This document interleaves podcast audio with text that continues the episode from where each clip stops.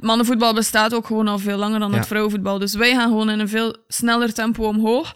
Maar we vergelijken natuurlijk wel. Ja. We hebben ook een einddoel en dat is eh, Ja. ja. staan er dat de man staan en, en, en het georganiseerd krijgen zoals dat zij het hebben. En dat is de ideale wereld. En eh, ja, daar is elke voetballende vrouw eh, naar op zoek. Ja, wat heeft het vrouwenvoetbal nodig op dit moment? Ja, mensen die investeren en die Mhm. in ons geloven. Ja. En die ons eh, die gewoon zeggen: eh, voor mij is het vrouwenteam even belangrijk als het mannenteam. Spreekuur.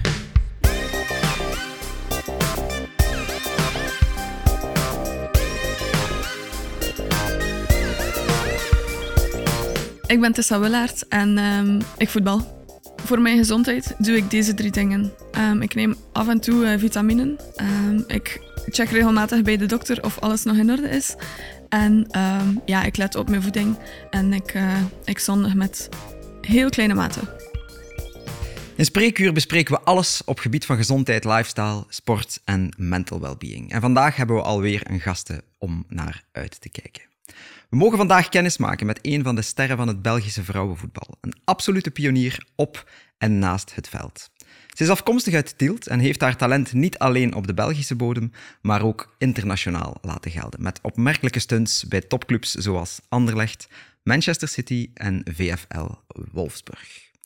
Als drijvende kracht en als kapitein van de Red Flames, ons nationale damesvoetbalteam, heeft ze maar liefst drie keer de gouden schoen in ontvangst genomen. Maar ze stopt niet als het laatste fluitsignaal klinkt. Ze is ook de oprichter van het platform Girl Power, waar ze jonge meiden inspireert en motiveert om hun voetbaldromen na te jagen. Bij mij op spreekuur vandaag de topscorer aller tijden van de Belgische nationale ploeg. Wat drijft haar binnen de krijtlijnen? Wat drijft haar buiten de krijtlijnen?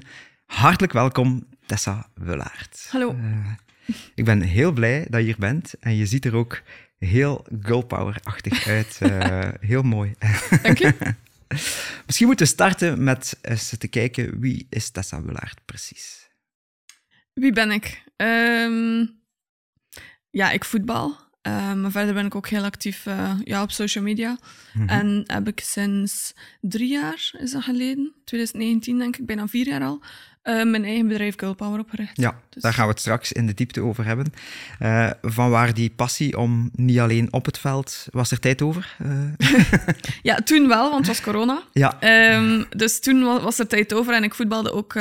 ja, ik heb vijf jaar in het buitenland gespeeld. En Mhm. dan eh, miste ik een beetje eh, mijn familie en ook het zelf iets kunnen doen. ja, Eh, want ik was constant in het buitenland en ja, daar, daar is gewoon voetbal, voetbal, voetbal. ja. Ehm, ik was enkel in België om met, de- met de Red Flames te spelen. Mhm. Dus eh, er was heel weinig tijd. Ehm, dus dan kwam corona en had ik tijd om na te denken, want mijn contract liep ook af. ja.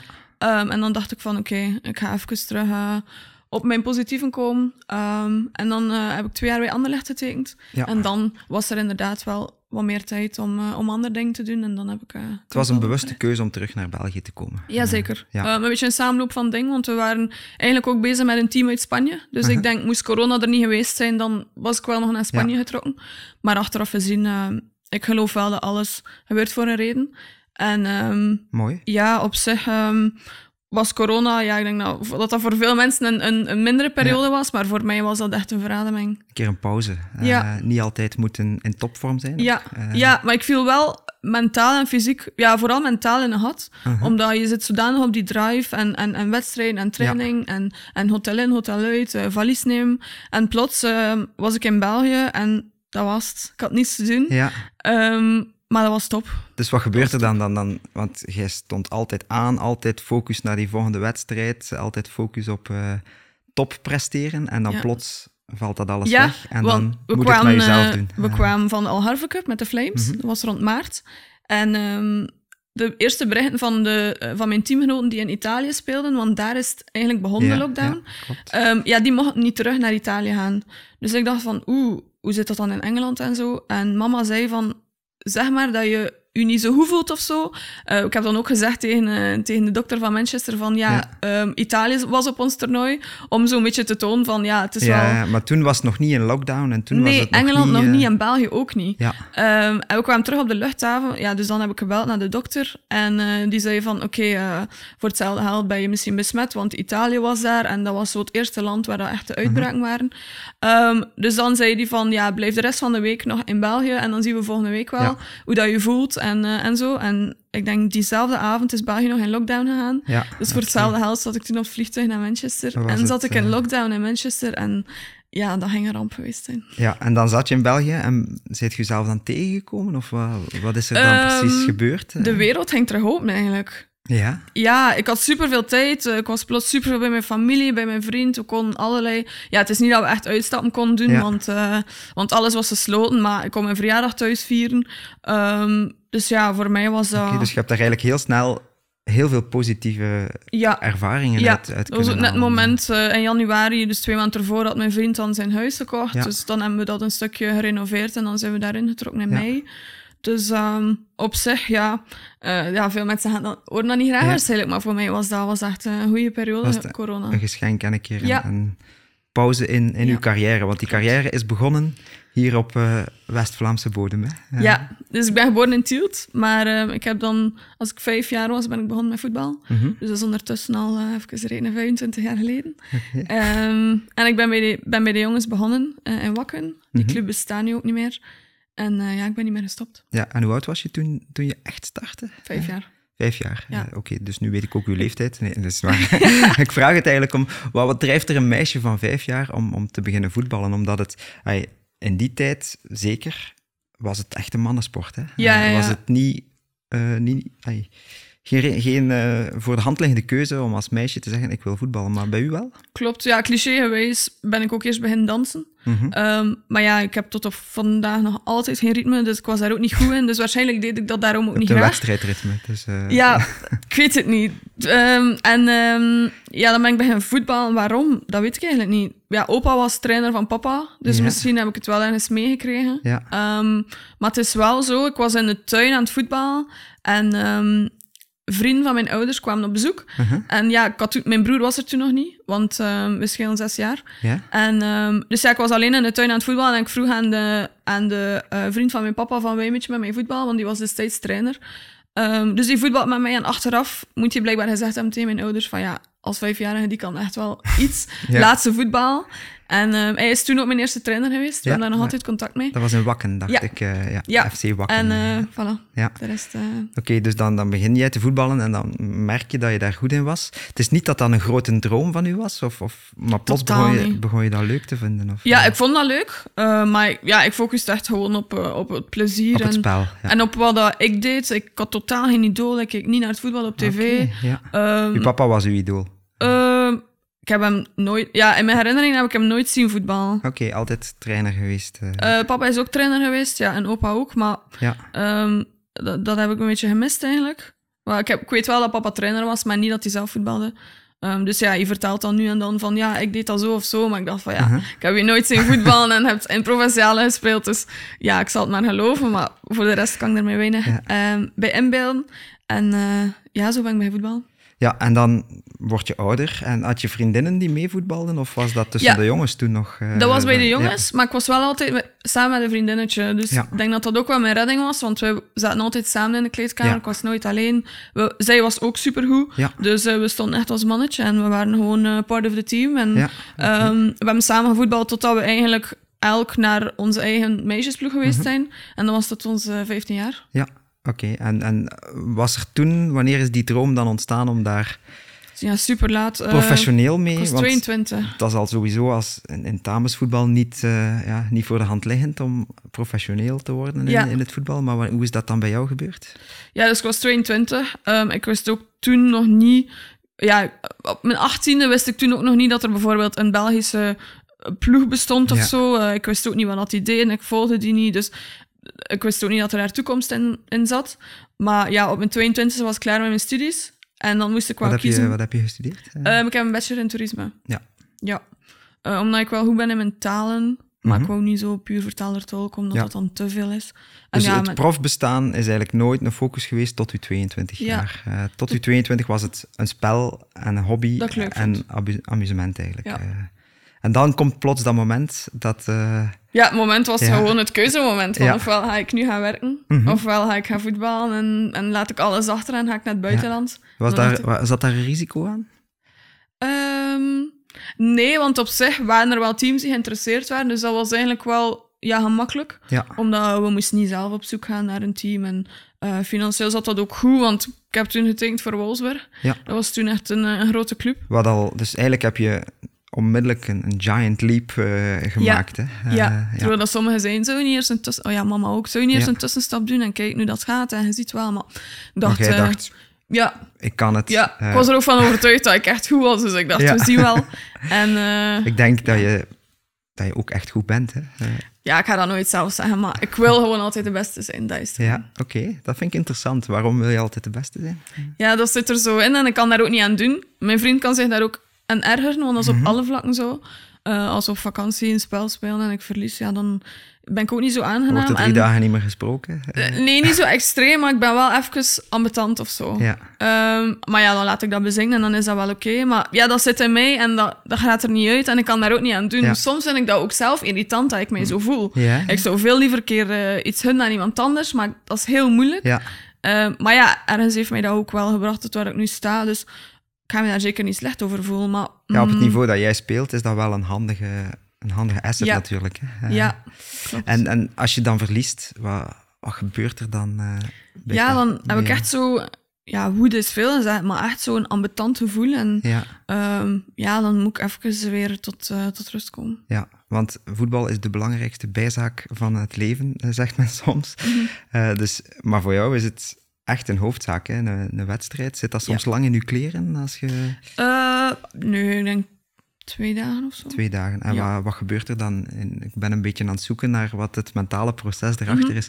Zit je dan te zeggen van, ah, had ik maar beter tiende pas zo gegeven en, en terug in het verleden te duiken? Of, of, of ga Ja, je daar heel positief mee om op kritisch. moment? Eerst en vooral op mezelf. Mhm. En dan daarnaast natuurlijk ook op mijn team. Omdat ik gewoon eh, wil dat iedereen eh, 100% heeft, zoals dat Ja. ik zelf altijd doe. Ehm, dus ja, dat is gewoon... eh, ja, in de kleedkamer is dat meestal met de teamgenoten praten. Van oké, waar Ja. liep het mis? Eh, wat, wat, wat kon er beter? Ehm, en dan ga je na de wedstrijd ga je naar huis. Dan zit je in de auto. Dan reflecteer je vooral op jezelf. Mhm. Ehm, en dan ja, praat ik daar ook wel veel over met mijn vriend. Want die voetbalt zelf Ja. ook. Dus dat is wel handig. Dus je hebt En, een eh, uitlaatklep, een ventilatie. Ja, eh, dat vind ik wel ja, belangrijk. eh, dat ik dat niet inhoud. En, eh, en dat ik ook mening van anderen heb. Want, want dat, Mhm. dat heeft u meestal ook nog een beter inzicht en een breder perspectief. Dus. Ja. En herbekijk je ook je wedstrijden? Nee, omdat ik super kritisch ben en meestal... ehm, ja, ik vind altijd wel dingen die beter kunnen en dan eindig ik eigenlijk met een Slechter met een gevoel. slechter gevoel Ja. dan dat ik dacht dat mijn wedstrijd was of zo. Ja, Dus nee, ik niet. Maar als ik een goal score of doe een goede actie, ja, dan sla ik dat wel op en dan bekijk ik dat bijvoorbeeld voor een nieuwe wedstrijd om terug echt een, een good feeling te hebben om, om Ja. die wedstrijd te beginnen. Ja, want dat vraag ik mij soms af. Want als je op het veld in, die, in het heetst van de strijd staat, dan zijn dat beslissingen op, op een fractie van een seconde. Denk je soms terug, als je in een nieuwe actie zit, aan een oude actie waar dat een bepaalde beweging heel goed gelukt is en een goede uitkomst gaat heeft? Denk je daar soms aan terug als je, Ja. als je dan... eh, Ja, visualiseert je dat. Eh, Zeker naar aanloop van een wedstrijd, als je in de bus zit of, of zit Ja. op weg ernaartoe, dan denk je van oké, als ik één op één met mijn verdediger sta, wat ga ik doen? Eh, Ja. Waar op het veld sta ik? Eh, welke beweging kan er van pas komen? Ehm, dat probeer je ook wel op training mee te nemen, Mhm. dat, dat, dat dat echt een automatisme wordt. Ja. Ehm, maar eigenlijk de beste acties of de, de mooiste goals heb ik gemaakt dat ik dacht achteraf van, wat was ik aan het denken op dat moment? ja. En, dan weet je weet dat dan nog? Nee. Nee, dus, dus- dan is het echt puur op je gevoel. Zou het kunnen zijn dat je op dat moment echt in de flow zat? Ja, En alles vergeet en gewoon ja. op puur automatisme? Eh, Ja. ja. Want hoe bereid je je voor op een wedstrijd? Eh, Ehm, ik ben wel iemand die... Ik ga bijvoorbeeld nooit naar het veld. Mhm. Ik blijf gewoon in de kleedkamer, want ja, voor mij is elk veld hetzelfde. Ik, ik hoor wel van mijn eh, teamgenoten welke soort schoen dat ik moet aandoen, of dat ik dan ijzer of Blind plastic. vertrouwen. eh, Ja. ja. Ehm, ik blijf in de kleedkamer, ik maak mij rustig klaar en eh, ja, dan begin ik met mijn pre-warm-up, want dat vind ik wel super belangrijk. Ja. En wat is dat precies, eh, uw pre-warm-up? Dat is eh, vijf, minuutjes, vijf minuutjes fietsen, Mhm. ehm, een beetje mobiliteit. Ja. En dan eh, ja, doe ik wat dingen voor mijn Achillespees, want daar sukkel ik wel mee. Mhm. Ehm, en eh, voor de rest is dat... Ja, als, als we s'avonds spelen bijvoorbeeld, ga ik 's ochtends wel naar de fitness. Ja. En dan heb ik daar een programma van 35 minuten, waarin dat ik ook wel eh, squat... Maar Ja. dan doe ik zo isometrische oefening, dus Ja. squat en dan... Om niet te eh, veel spier, spierschade te ja. hebben eh, tegen dat Ja. wedstrijd is. ja, eh, en dan wel met een, met een explosieve oefening daarna, Ja, dat, dat je reactiviteit activeren. Ja. ja. Ehm, en dan ja, voor de wedstrijd is dat gewoon... voor de opwarming doe ik dan een kleine ja, 20 minuutjes of zo. Ja. Eh, oefening of met een rekker of zo. Ja, voor een beetje actief het te zijn. Ja. Eh, we hebben het nu even gehad over hoe dat je op dat veld staat. Eh, als je dan echt succes meemaakt, zoals recent nog, de overwinning tegen Nederland. Mhm. Eh, maar uw carrière is een aaneenschakeling van toch successen, drie keer gouden schoen. Vier je dat dan? Of hoe, hoe ga je daar dan mee om? Ehm, ja, mooie overwinning met het team. Dan vieren we dat wel met het team. Maar Mhm. dan is dat echt... Ja, bij mijn vriend is dat anders. Die speelt bijvoorbeeld op provinciaal niveau. En als die een overwinning hebben, ja, dan gaan die op café en dan Ja. vieren die dat daar. Ja. Eh, wij, wij gaan nooit op café met ons team. Dat Nee. gebeurt niet. Dat, dat is gewoon not done. Dus bij ons is dat dan gewoon in de kleedkamer. En eh, ja, dan krijgen we een cola. Ja. En eh, pizza, want we eten altijd pizza na de wedstrijd. Oké. Ehm, dus ja, dat is dan onze, onze overwinning vieren. Ja. Ehm, en dan de dag daarna, als we training hebben, want meestal hebben we dan vrij. Ehm, ja, als we dan training hebben, dan, eh, ja, dan is iedereen eh, ja, super goed gehumeurd. Met een en, goed eh, gevoel. Ja. ja, dan voel je wel van, oké, er is hier niet veel focus vandaag, maar het is oké, want we hebben gewonnen gisteren. Maar vanaf dag twee na de wedstrijd is dat, ja, is dat terug focus op Ja, volgende. dus terug die, die focus omschakelen. Ja. En, ja. Je bent ook de kapitein van de ploeg. Dus hoe ben je in die rol terechtgekomen? Ehm, ja, dat is nu een viertal jaar, denk ik, toen, dat, toen dat Aline gestopt is, Aline Zeller. Ja. Want zij was onze vorige kapitein. Ehm, hoe ben ik daarin gerold? Ja, wel door een gesprek met de coach eigenlijk. Ehm, die vroeg van, ja, waar zie je jezelf en, en waar denk je dat je nog in kan verbeteren? Mhm. En dan gaf ik vooral aan op het veld dat ik soms nog te veel focus was op mezelf Ja. en een domme gele kaart of zo nam. Ehm, of soms een beetje ja, te agressief is het verkeerde woord, want ik ga, ik ga niemand pijn doen of, of Ja. slaan of zo, maar wel een keer gewoon eh, ja, een, een domme tackle eruit gooien of ja. zo. Maar je gaat op in het spel. hè? Ja, ja, ja. Ja, ja, ja. Ehm, en dan, eh, ja, dan dacht hij van, oké, misschien eh, ja, als ik kapitein ben, Mhm. dan ga ik daar bewuster mee omgaan, want dan sta Mhm. je ook wel voor het team. En ja, ik denk dat dat wel gelukt is. Dus je hebt eigenlijk voor jezelf de stakes wat hoger gelegd en gezegd van ik moet hier in een soort leadershiprol terechtkomen. Hoe heb je daarop voorbereid? Dat zit wel in mij, want ik ben Mhm. echt iemand die het super belangrijk vindt wat er op het veld gebeurt.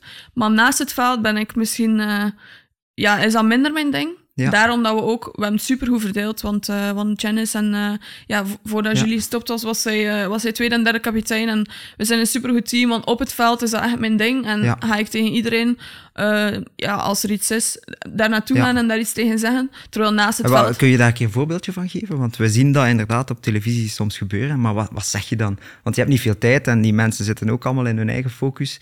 Want op dat moment moet er gewoon kordaat Ja. gehandeld worden en kordaat leiding gegeven worden, Ja. zeg maar. Ja, dus als ik vind dat iemand eh, zijn focus niet heeft of, Mhm. eh, ja, of dat dat echt beter kon, ja, dan ga ik gewoon zeggen van eh, kom op, herpak u, eh, wat Ja. is dat hier? Ehm Word jij ook gecoacht in uw leiderschapsrol? Jazeker. We hebben sinds kort een, een nieuwe psycholoog, een wandelende psycholoog, maar we zijn nu veranderd, ehm, bij de Red Flames. Dus Ja, ja daar komt wel veel feedback bij, dat ik soms denk van...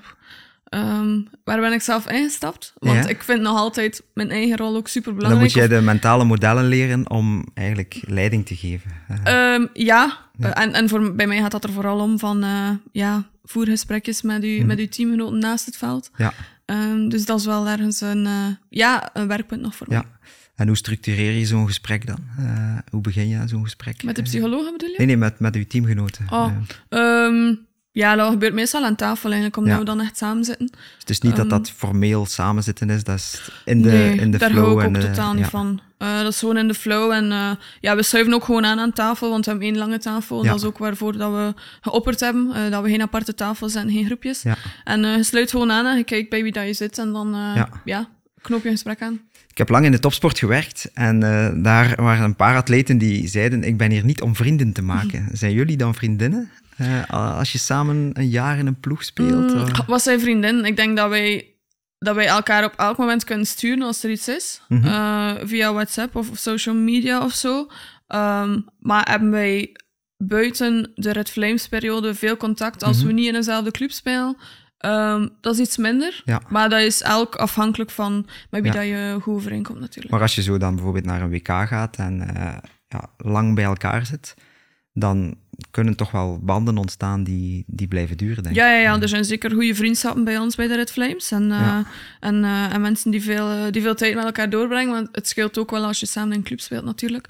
Maar ehm, ja, als we naar, naar TK in Engeland waren, ja, dan zijn we anderhalve maand bijna constant samen. ja. Ehm, is er ruzie geweest? Totaal niet. Zijn discussies geweest? Nee. Ja. Dus ehm, ja, we lossen dat wel allemaal goed op. Maar je hebt ook wel, we slapen ook wel allemaal apart. Ja. Dus om toch wel die rust te hebben en die focus ook een Ja. beetje op jezelf. En eh, dat we niet constant bij elkaar zijn. Want slapen is iets belangrijks voor u? Eh, Ja, ik heb dat wel nodig. ja. Hoeveel uur slaap je?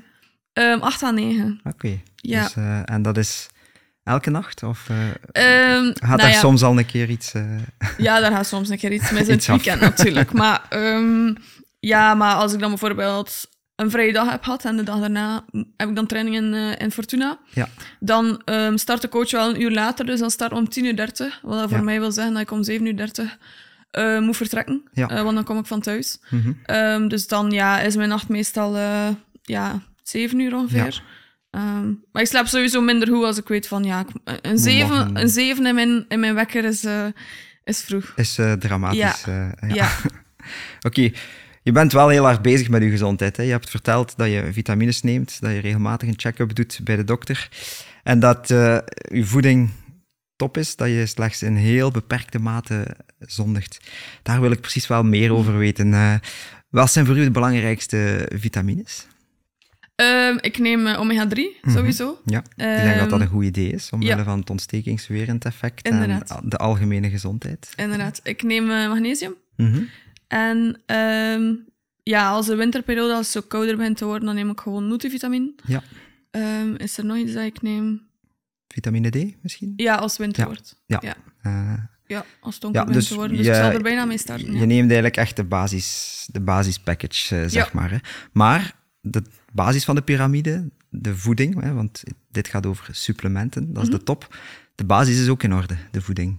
Ja, Mag ik, mag ik met jou eens door de dag wandelen? Ja, van ontbijt tot Ja. avondsnak, eh, wat daar allemaal op jouw bord ligt? Eh, ja.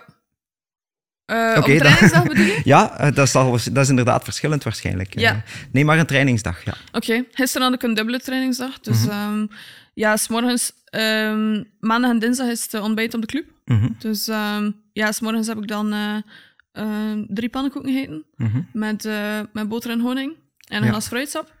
Dat klinkt dan- voor jou heel logisch. Eh, iemand Ja. anders die dan nu net gehoord heeft, van ons luisteraars, zal misschien denken, ik zondig met kleine beperkte maten. Oeh, ontbijt, pannenkoek met honing. Ja, maar Eh, dat is om maar jij gaat natuurlijk de calorieën heel hard gaan verbranden. Hè? Ja, Ehm, dat is echt puur koolhydraten s'morgens dat ik eet, omdat ik dan direct training heb. ja, dus dat is echt Ehm, om heel veel energie ja. eh, te hebben. Ja, Klopt. eh, En dan, ja, ik ben wel iemand die snel of regelmatig honger heeft. mhm. Dus dan... Zit er iets van eiwit in het ontbijt ook? Of is het enkel Ehm, pannenkoek met, eh, met honing? Of ga je nee. voor de training niet te veel eiwitten eten, omdat dat te zwaar... eh, Ja, dat eet ik eigenlijk zelden. Als Ja. ik ochtends training heb, dan eet Ja. ik eigenlijk zelden. Ehm, omdat ik ook geen grote eter ben s'morgens. mhm. Dus voor mij is dat meer dan genoeg. Drie pannenkoeken is Ja. echt meer dan genoeg. Maar dan. Dus je moet je eigenlijk forceren om ze binnen te krijgen. Ja, soms is dat wel lastig. En zeker als we dan een, een vroege wedstrijd hebben, zoals eh, om twee uur bijvoorbeeld, en dan is matchmeal om elf uur. Maar dan, ja, dat is te weinig om een wedstrijd op te Ja. spelen. Eén, één maaltijd, dus dan moet ik mij 's morgens wel nog echt forceren om daarvoor nog iets te eten. Ehm, ja, dus ik ben wel een moeilijke eter 's morgens. Oké. Ja. en dan heb je de training die een paar Ja, dan hebben we eerst nog pre-warm-up. ja. Dus eh, dat is een groot half uur waarin dat we dan een circuittraining doen of zo. eh, Ja, dus een circuittraining voor de luisteraars. Circuittraining is eigenlijk, je gaat krachtoefeningen gaan afwisselen met cardio. Zeg het, als ik iets verkeerd zeg. Hè. Eh, Ja, echt cardio is dat niet. Is echt meer eh, ja, opwarming of je lichaam klaarmaken om te trainen. Ja, door, Ehm, door een ja. paar vezels echt een keer eh, ja, goed... dan doen we eh, stabiliteit, dan doen we bijvoorbeeld ja, smooth. Mhm. Dat is smart move. Ja, Dat is bijvoorbeeld, ehm, iemand houdt twee tennisballen vast en de ander houdt die hand erboven en je laat een tennisbal vallen en je moet reageren. ja. Eh, dus dus ook om een oefening- beetje ja. de, de geest wakker te Ja. maken eh, voor de reflexen. eh, Ja. ja. Dus dat is eigenlijk onze pre-warm-up. En dan eet ik een banaan. Mhm. En dan ga ik het veld op. ja. En dan trainen we ja, een uur, anderhalf uur. Anderhalf uur ja, was zeker gisteren, want het was fysiek. Ehm, dan hebben we lunch. Dus Mhm. gisteren was dat... ah, ik heb, ik heb Dat is op de club dan, de, de lunch. Ik heb ja. eerst nog een shake gedronken in de kleedkamer. En die shake zit eiwitten en koolhydraten in, om heel snel... Ja, koolhydraat niet omdat ik direct mijn lunch heb. Ja, oké. Ja. Maar eiwitten, omdat dat Sowieso. eerste half uur na de training schreeuwen de spieren om Ja, nieuwe En het was een zware training. Of ik wist dat het een zware dag was. Dus dan neem ik dat wel. Mhm. En dan we lunch. En dan eet ik soep. Ehm, en het was mm, rijst en kip, denk ik, met groentjes gewoon. Super basic. Ehm, en dan eh, hebben we een uurtje pauze. Mhm. En dan was het krachttraining, dus dan Ja. gaan we naar de gym. Eh, dus dan doe ik mijn krachttraining. Ja, want dan zit ik nog vol van mijn lunches en dan heb ik Ja. niet echt iets nodig daarvoor. En dan daarna heb ik een, eh, ja, dat is zo'n een yoghurt maar in een zakje. En Ja. daar zit 20 gram proteïne in. Ja, ook weer om die eiwitbehoefte te, te voldoen. hè. Ja. En dan rijd ik ondertussen naar huis, dus dat was een, een rit van twee uur en een half. En dan kom ik thuis. Ja, daartussen drink ik gewoon, eh, gewoon water eigenlijk. Ja, doorheen Ja. de dag.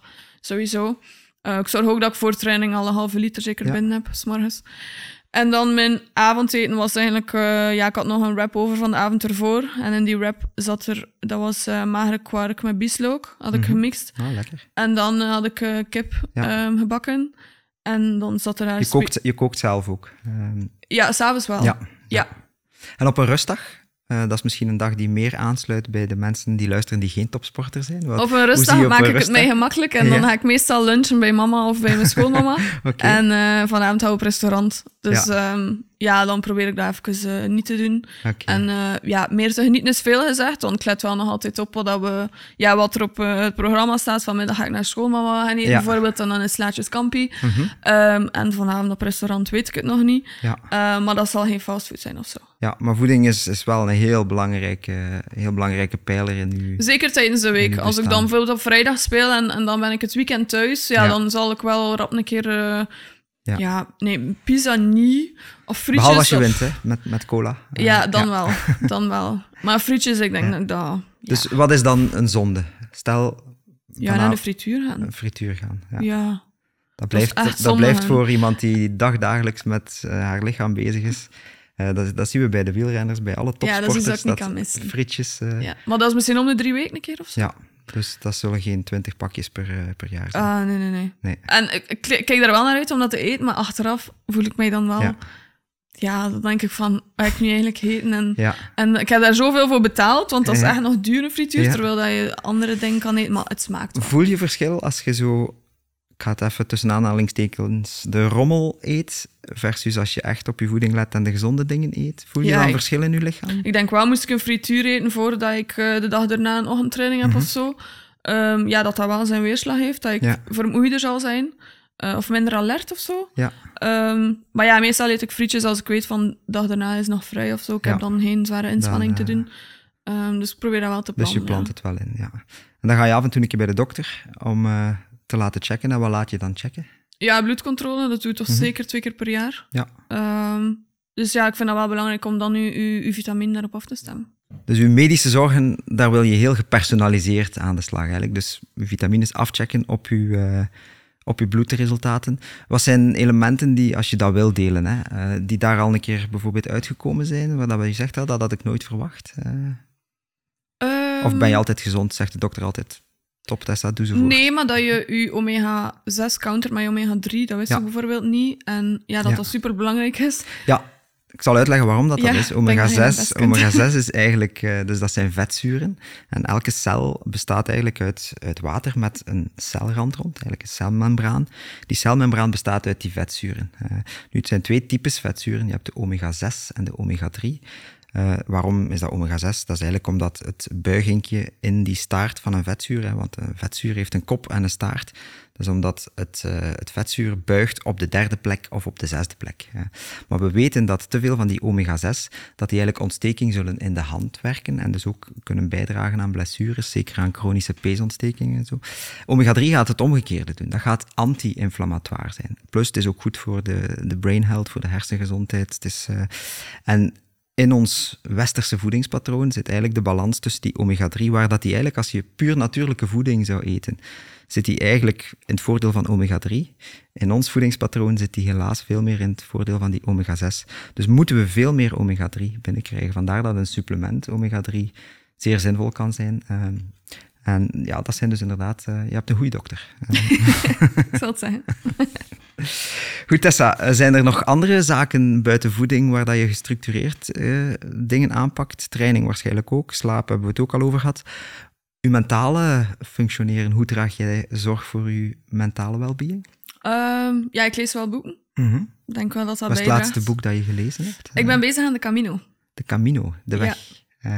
Ja, ja? ken je? Eh, nee, Ah, maar ja. eh, ik kan er mij iets bij voorstellen. Het gaat over... Ja, het is, eh, ik denk dat het fictie is, maar er is daar ook ooit een, een tv-serie van gemaakt, Heer 5 of zo, denk ik. Ja. dat. En dat is een beetje hetzelfde verhaal. Dat is een vrouw die haar man verliest. Haar man wandelt alleen de Camino, Ja. maar hij komt uit ehm, het Servisch-Bosnische gedeelte. Ja. Dus hij heeft een, een Hans verleden in de oorlog. Hij wandelt de Camino, hij pleegt daar zelfmoord. En ehm, zij begrijpt het niet. Ehm, zij zag het ook niet aankomen. En zij beslist om een jaar later ehm, de Camino opnieuw te wandelen. Ja. Ehm, op, het, op dezelfde tijdstip, dezelfde overnachting, eh, overnachtingsplaatsen, Echt? dezelfde kamers, Ja. alles identiek. Ehm, en om te, om te proberen te begrijpen waarom Mhm. dat hij het gedaan heeft. En begrijpt ze het? Of mogen we dat Daar niet spoilen? niet. Oké. Daar zit ik nog niet. Er was, ik heb voor, eh, in het allereerste seizoen van Spreekuur een, eh, een podcast gedaan met Pascal Nases. En toen ik haar vroeg wat is uw meest inspirerende moment, zei ze in het Spaans, eh, dus het woord camino kwam erin voor, zei ze de weg toont zich al wandelend. Eh, dus dat was eigenlijk mijn reflex toen dat jij camino zei, van we, we gaan het leven altijd streven naar een einddoel en we willen altijd presteren.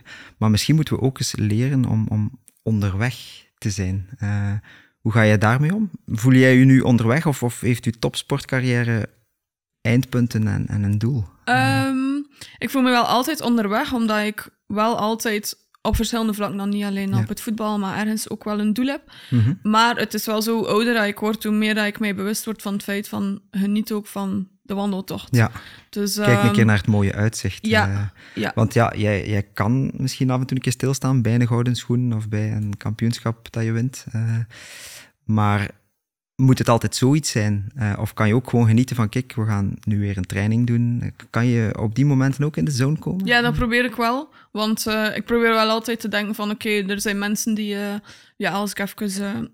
ik heb wel nooit een dag dat ik zeg... Ik heb geen zin om te trainen, dus Ja. gelukkig heb ik dat niet. Maar als ik zo... Ja, denk van... Boah, ik ben moe vandaag, Mhm. dit of dat. Dan denk, probeer ik wel te denken van... Ja, het zijn wel mensen die van, van 9 tot Ja. 5, van 8 tot 5...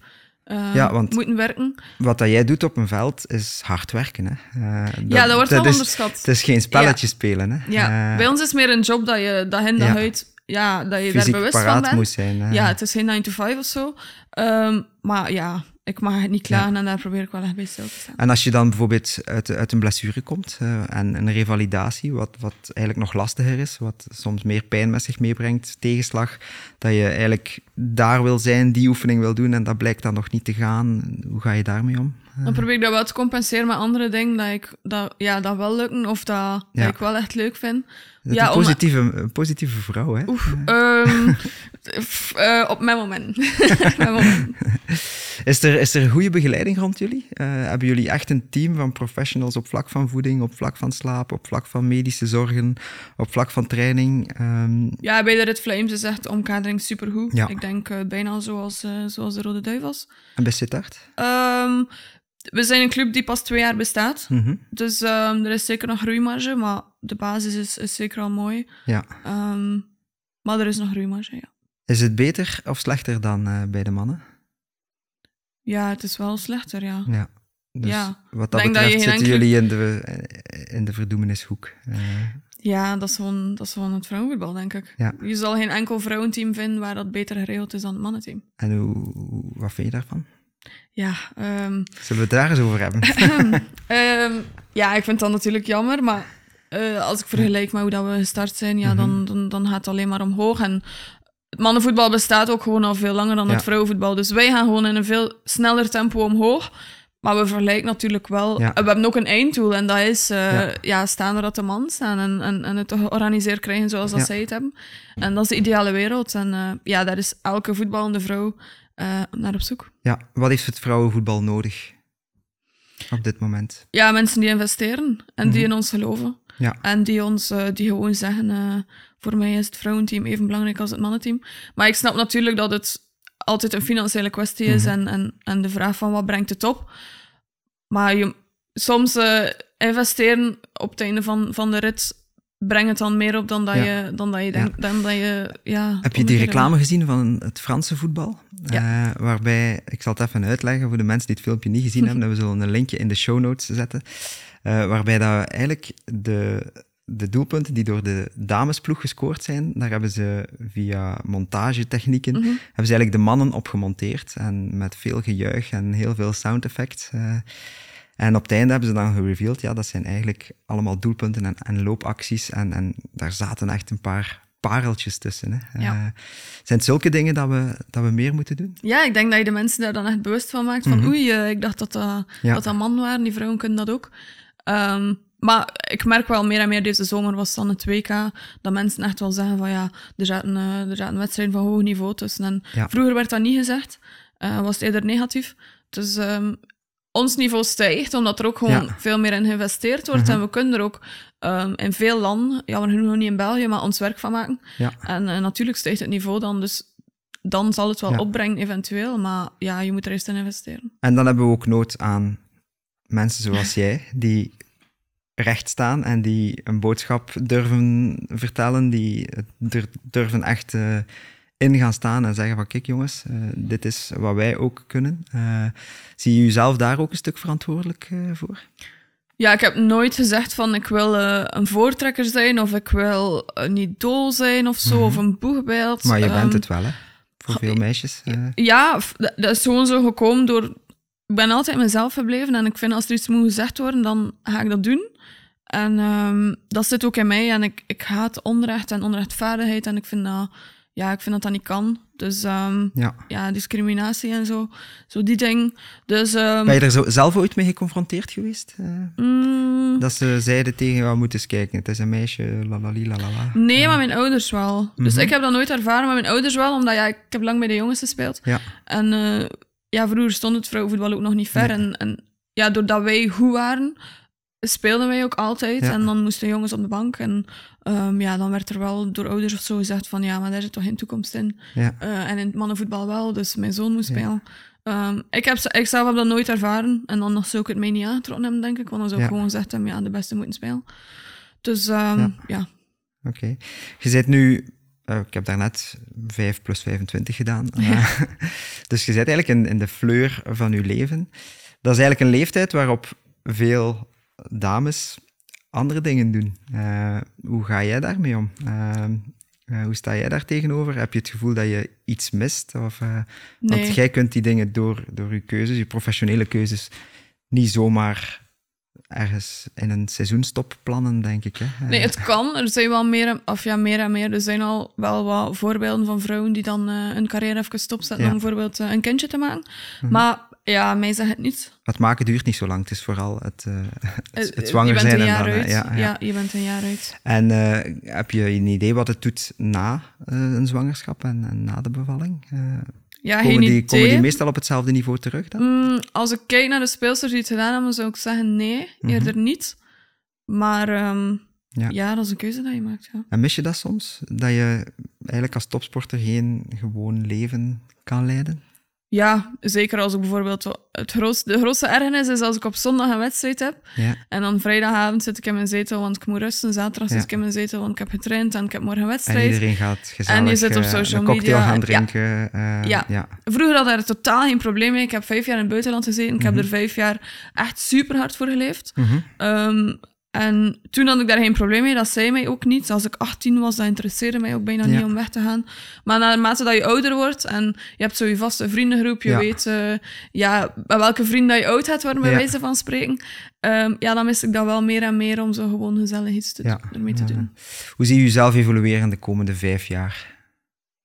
Ehm, ja, mijn contract loopt af dit seizoen. Dus het is de vraag van blijf ik in Nederland of Mhm. ehm, keer ik terug naar België of ga ik volledig naar het buitenland? Want Mhm. Spanje is ook wel nog altijd een optie. Dus- ik weet het niet. Het is lekker is- warm in Spanje. Ja, dat is waar. maar dan moet ik mijn vriend meekrijgen, want dat is een ander verhaal. Ja, Eh, want alleen is maar alleen. dat is waar. Ehm, dus ja, ik weet het niet. Ehm, maar hoe zie ik mij evolueren? Ik ga zo lang mogelijk voetbal. Ja. Zolang dat mijn werk kan zijn. Ja, Ehm, en zolang dat, eh ja, dat lichaam mee wil. dat lichaam mee wilt. Eh, heb je al echt momenten gehad dat lichaam even zei van even pauze? De Achillespees heb je daarnet al benoemd. Eh, Ja, dat is eigenlijk het enige momenteel Ja. dat ik kan zeggen van, ja, ik sukkel al, al een jaar Ja. mee. Ehm, het kan zijn dat er nog een operatie volgt, ik weet het niet. We proberen het wel te managen en het ligt nog altijd in de weegschaal. Wat doen Dus we je ermee? gaat dagelijks de excentrische stretch-oefeningetjes eh, Ja, maar ook niet te eh, veel, want er zit een extra stukje bot. Mhm, Waardoor oké. dat mijn Achillepees daarover wrijft. Ja, Dus ehm, ja, ik ben er wel dagelijks mee bezig. Na elke activiteit leg ik Ja. ijs. Ehm, eh, mijn schoenen worden uit, eh, uitgehold, bij wijze van Ja. spreken. De moes wordt eruit gehaald. Dus het is nog een beetje zoeken wat de beste oplossing is. Maar dat is eigenlijk het enigste. oké. Lijkt mij een zeer veerkrachtig iemand, hè? Ehm, Je staat er zelf zo een beetje... niet bij stil waarschijnlijk, maar ja, er komt heel veel positiviteit uit uw woorden, er komt heel veel kracht uit uw woorden. En waarschijnlijk is dat gewoon uw natuurlijke staat van zijn. Ja, ja, ik ben gewoon Ja. mezelf. En eh, Ja, ja. oké.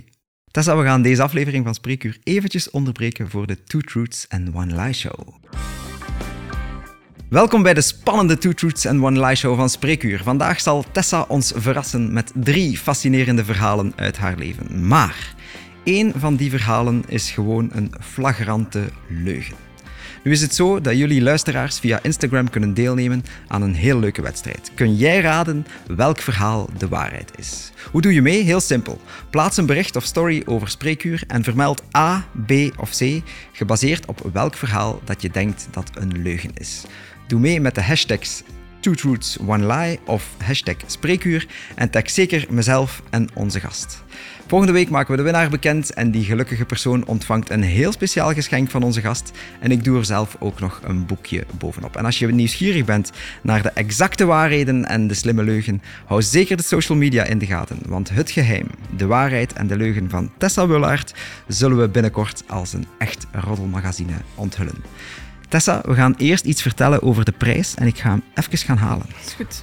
Er is nu net een nieuwe kleur uit, dus dat is eigenlijk net de kleur waar dat ik eh, de wedstrijd op gespeeld heb. Ehm, Mhm. Ik speel altijd met Adidas voorlopig, dat is mijn sponsor. Ehm, en dat is het eigenlijk. Ja. Meer kan ik daar niet over vertellen. Dus jij gaat een set gloednieuwe voetbalschoenen eh, weggeven. Ja. Eh, meer nog? Ik zal ze tekenen. We gaan ze Ja. gesigneerd weggeven. Dus als je kans wil maken op de schoenen van Tessa, dan, eh, ja, dan moet je raden wat Tessa nu gaat vertellen. Twee dingen zijn daarvan waar en één ding is daarvan gelogen. Ja, Tessa? ik ben super slecht in liegen. Oké. Ehm, dus ik ben heel benieuwd of dat je het er kan uithalen. Alsjeblieft. Dankjewel. Heel mooi. Ik zal het eventjes... eh, Tessa, verhaal A. Verhaal A. Ehm, dus ja, zoals ik verteld heb, enkele jaren geleden speelde ik bij Manchester City. Mhm. En ehm, dat was het tijdperk van eh, Vincent Company en Kevin De Bruyne. Ja. Ehm, ik ben die ook regelmatig tegengekomen op de club. Maar op een bepaald moment, ja, City is zo, is zo het verhaal van one team. Ja. Dus vrouw en man echt wel zo goed mogelijk, gelijkwaardig. Ehm, dus ons kerstfeestje was samen. Oké. En ja, dan... Mocht niet naar huis voor kerst. Het was een kerstfeestje, maar het was iets voor kerst. Ja, oké. Ja, dus ehm, ja, we hadden een kerstfeestje. En eh, ja, natuurlijk ja, raak je dan aan de praat met, eh, met de mannelijke spelers. Mhm. En ehm, ja, Kevin is... Ik ga niet zeggen dat hij super sociaal is, maar is wel eh, aanspreekbaar. Mhm. Dus we waren aan het praten. En ehm, ja, dan kom je natuurlijk op het onderwerp voetbal. Logisch. En ja, en dan was... ja, dan dachten we van, oké, zullen we maar een keer jongleren? Ehm, gelukkig was dat wel in een hoekje, want ja, we wilden er niet zo een, een, een- two-man show van maken, waar dat iedereen rond stond, want dan zou ik ook heel, eh, ook heel zenuwachtig zijn. Dus ehm, ja, we hebben een bal gezocht en we zijn beginnen jongleren. En als kindjes mij vragen van, ehm, hoe lang kan je jongleren? Dan zeg ik altijd van, ja, totdat ik moe ben of totdat ik mijn focus Ja. verlies. Dus gelukkig had ik ook wel gemakkelijke kledij aan je zou natuurlijk. een dag kunnen jongleren eigenlijk. Ja, maar dat zou wel heel vermoeiend zijn. Twee- Dus Wereldrecordpoging misschien? ja, heel misschien. Ehm, en ehm, ja, dus we beginnen te jongleren en eh, ja, ik zeg het niet graag, maar ehm, Je bent gewonnen. Ja. Oké, je hebt Kevin ja, De Bruyne ik heb dat wel nog bijna aan niemand verteld, want ja, dat is wel zoiets. Ja, Ik wil niet zeggen dat ik beter kan voetballen daardoor dan hem. maar je hebt het nu zo net aan een paar duizend eh, mensen verteld. eh, Ja, dus, sorry Kevin. Maar dus dat is verhaal Oké, 1. Mooi. Verhaal A is... eh, Tessa heeft Kevin De Bruyne verslaan in het jongleren. Verhaal B? Ehm, voordat ik in Manchester speelde, speelde ik in Wolfsburg, dus in Duitsland. En ehm, met die club heb ik op drie jaar tijd twee keer de Champions League finale gespeeld. En het laatste jaar, dus het derde contractjaar, ehm, was het wedstrijd, was de Champions League finale in Oekraïne. En ja, ik woonde dus in Duitsland, ik was daar constant. Maar ik had natuurlijk ook mijn internationaal paspoort nodig om, eh, om met België te spelen. Nu, ehm, we hadden nog wedstrijd, we hadden nog training de dag voor de wedstrijd. Ja? En ehm, daarna was lunch en dan eh, vertrokken we naar de luchthaven om te vliegen, om de dag daarna de finale te spelen. Ehm, dus ja, we zijn aan het eten en eh, iedereen zegt, allee, de proefverantwoordelijke zegt van, dien allemaal jullie paspoort in, want Ja. ik ga dat dan doen om jullie in te checken. Super gemakkelijk. En ik was aan het eten en ik dacht, oh my god, Het ligt nog in Tielt. Of- ik heb dat niet mee. ja. Dus ik zat zodanig in die focus van de wedstrijd en totaal niet nagedacht van, ah ja, het is niet mijn Belgisch paspoort dat ik nodig heb, maar mijn Mhm. internationaal. Dus, maar ik dacht dat het in Wolfsburg lag, dus eh, in mijn, in Ja. mijn huis in Wolfsburg. Dus ja, ik loop daar weg van die lunch, ja, wat eigenlijk al niet mag of niet, ja, Mhm. not done is. En ik, ik kom in Wolfsburg in mijn, in mijn huis en ik denk, ja, ik begin te zoeken en ik denk, oh my god, dat ligt hier niet. Ja. ik bel naar mama, Eh, mama, waar is mijn paspoort? Ah ja, dat ligt hier thuis. Oei. Ja, dus Geen ja, ik in paniek. Ik moet nu terug naar de club rijden en ik moet zeggen dat Ja. ik geen paspoort heb om naar Oekraïne te gaan. Nu uiteindelijk ehm, ja, waren ze daar natuurlijk totaal niet blij mee. Maar ehm, ik had wel mijn Belgisch paspoort en dan heeft Wolzer aan de grens in Oekraïne wel onderhandeld en dan mocht ik wel binnen.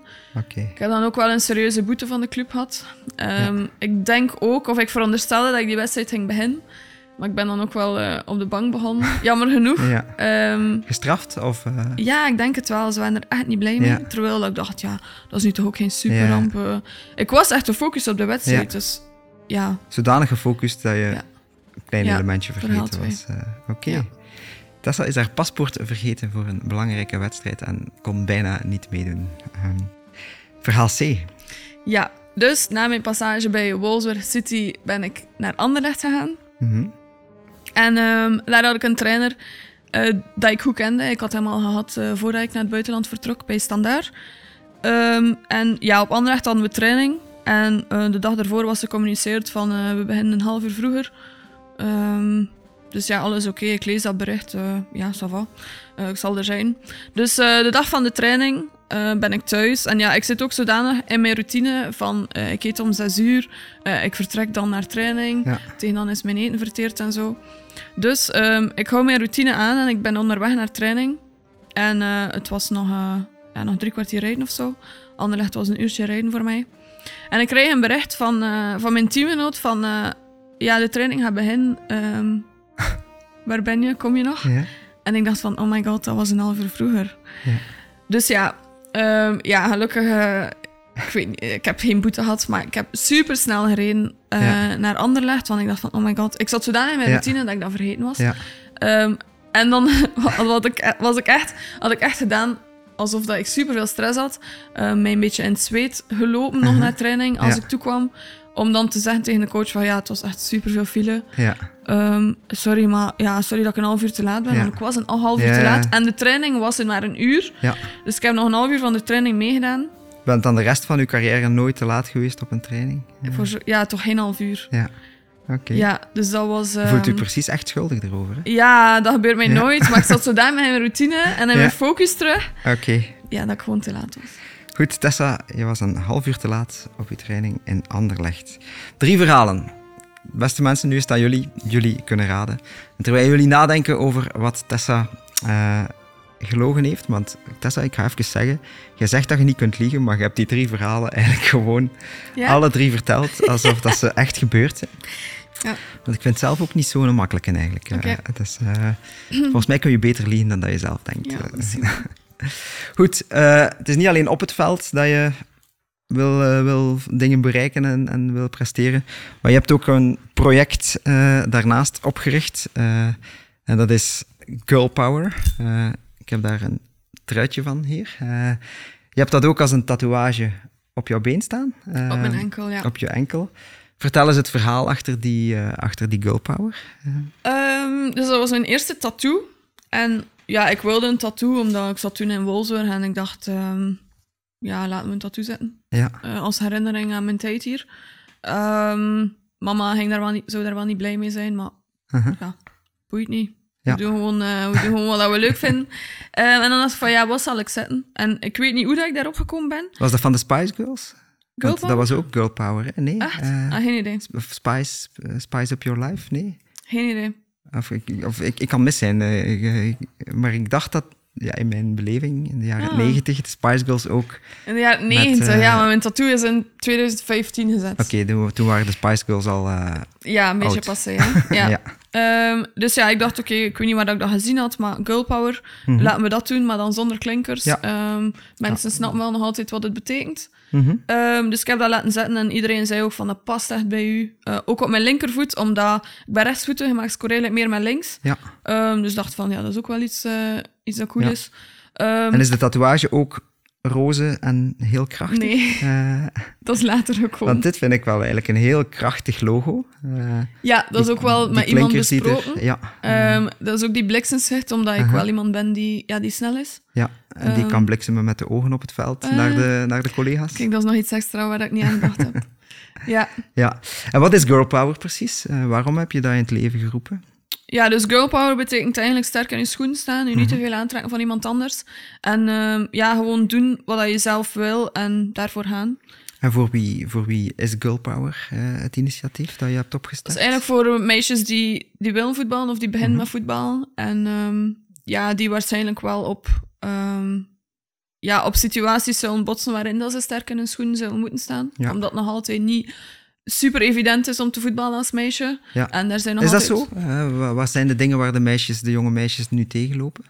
Eh, jongens die, ja, er zijn ook meisjes die naar mij komen en die dan gewoon verhaal vertellen van eh, het is echt niet leuk in mijn ploeg, ik krijg geen pas van de jongens, ze Ah, zeggen dat ik niet kan voetballen. Ehm, ja, echt zo'n ding. Dus Ja. ja. dat breekt echt mijn hart, want ik denk van, allee, hoe, hoe kan je zo zijn? Ja. Ik heb het zelf niet meegemaakt, gelukkig, maar ik vind dat wel super erg, want dat is ergens ook wel eh, ja, discriminerend of een vorm Ja. van pesten, denk ik. Dus En dat was iets wat dat je wou, wou aanpakken ja, eigenlijk. ik eh. wou dat gewoon meegeven aan de meisjes en hen ook wel een platform geven, want ik merk ook dat er heel weinig ehm, ja, platformen zijn Mhm. waar dat ze samen kunnen voetballen. Ehm, kwalitatieve training, Ja. dat wilde ik hen ook wel aanbieden, omdat ik soms denk dat de opleiding soms nog te wensen overlaat. Er zijn nog altijd niet genoeg meisjesclubs. Ja. En niet genoeg ehm, ja, goede trainers, denk ik dan. Mhm. Er zijn er heel veel en die hun echt met, met hart en ziel in Is het maar- trainen van meisjes anders dan jongens? Ja, ik denk dat meisjes nog op, tot op latere leeftijd meer plezier willen hebben, terwijl Ja. dat jongens echt al iets hebben van maak mij beter, ik wil, ja, ja. prestatiegericht. Bij jongens begint die testosteron van veer- Ja. vanaf 13, 14 jaar. eh. En meisjes hebben zoiets van, let's have some fun. En, eh, we zijn, en pak je dan ook zo die trainingen aan? Want je geeft zelf ook trainingen aan, eh, aan meisjes soms. dus ik ben begonnen met, met stages geven, heel in het begin van Girl Power. Toen gaf ik alles zelf. Nu probeer ik enkel eh, op sommige trainingen aanwezig te zijn Ja. en het te coördineren, omdat het anders eh, te zwaar wordt met mijn, eh, Ja. met mijn schema. Ehm, maar ja, we, hebben- we zijn nu ook wel in zee gegaan met een andere organisatie Mhm. die zich echt focust op eh, meisjes leren kennis maken met het voetbal. Ja? Omdat we hen ook willen aanspreken. Ja. Uh, Sommigen mm, mm, die twijfelen nog. Zo of- initiaties, eh, ja, een beetje of die hebben vriendinnetjes. van, ja, of die eh, hebben vriendinnetjes van niet hetzelfde niveau, maar we willen hen toch een, eh, een training geven waarbij dat ze samen kunnen voetballen zonder dat er daar prestatiedruk is. Ehm, en dan mooi. girl power is, eh, ja, als we dan echt girl power stages doen, is het wel prestatiegericht. Ja. En die stages zijn hier of in het buitenland? Of, Dat eh, varieert. Ehm, ja, deze zomer zijn we dan naar Derby gegaan. Ja. Dat was de tweede keer dat we dan... Maar dat is wel- echt een stage met overnachting. Ja. Dus dat is dan vier of vijf dagen dat we echt eh, met trainers twee keer Ja. per dag En trainen. hoe lang bestaat het nu? Eh, van 2019 ongeveer. Dus een jaar of vier. vier jaar. eh, Ja. Want de, er zijn heel veel inschrijvingen op het platform. Hè. Eh. Er zijn ondertussen al, had ik gezien op de website, eh, meer dan 40.000 eh, meisjes ingeschreven. Eh, bij Girl Power niet, maar er zijn wel zoveel meisjes die effectief in België willen beginnen voetballen. Of Ja. die voetbal. ja, Dus ehm, ja, er is een markt voor. En er, ik denk dat er nog te weinig ondersteuning Ja. is voor hen. En dat is gewoon cool als zij, als zij bij Girl Power aangesloten zijn. En dan Ja. hoop ik ook dat ze voor Girl Power staan en zich niet laten doen. oké. Tessa, heel veel van mijn luisteraars zijn vrouwen, eh, jonge mama's, die misschien een dochter hebben die eh, aan voetballen wil beginnen. Welke boodschap wil je voor die mensen geven? Aan de mama of aan de papa? Ja, laat dan gewoon alsjeblieft voetballen als ze dat graag Mhm. doen. Ehm, het is een teamsport, dus het is superleuk. En ze krijgen er, het is bewezen, ze krijgen er zelfvertrouwen van. Ja. Dus eh, als ze dat willen doen, alsjeblieft, laat het hen Ja. doen. Als je dat wil doen, dames en heren, ga naar de website. En de website is exact hetzelfde als de tatoeage op het been van Tessa. Dat is www.girlpower.be zonder klinkers. Eh, Ja. Dus G-R-L-P-W-R. Daar zal je alle informatie vinden en kun je je registreren. Uh, Tessa, heel mooi project, Girl Power. Maar dat is nog niet het enige. Uh, in uw vrije tijd schrijf je dan ook af en toe nog eens uh, een boek samen met Pieter-Jan Kalkoen. Ja, ik heb wel heel veel hulp gehad. Maar dit heb je, dit heb je uitgebracht recentelijk. wat staat erin?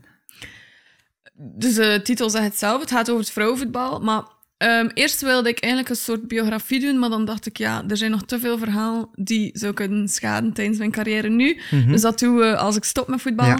Dus ik heb het eigenlijk heel... De tegenstander niet te veel informatie geven. Ja, niet alleen de tegenstander, maar ook gewoon verhalen over over trainers, over van alles. Dus dan dacht ik van, uh, dat houden we beter nog een beetje geheim. Mhm. Maar dus ik heb het eigenlijk heel luchtig gehouden over um, hoe dat ik begon bij mijn voetbal.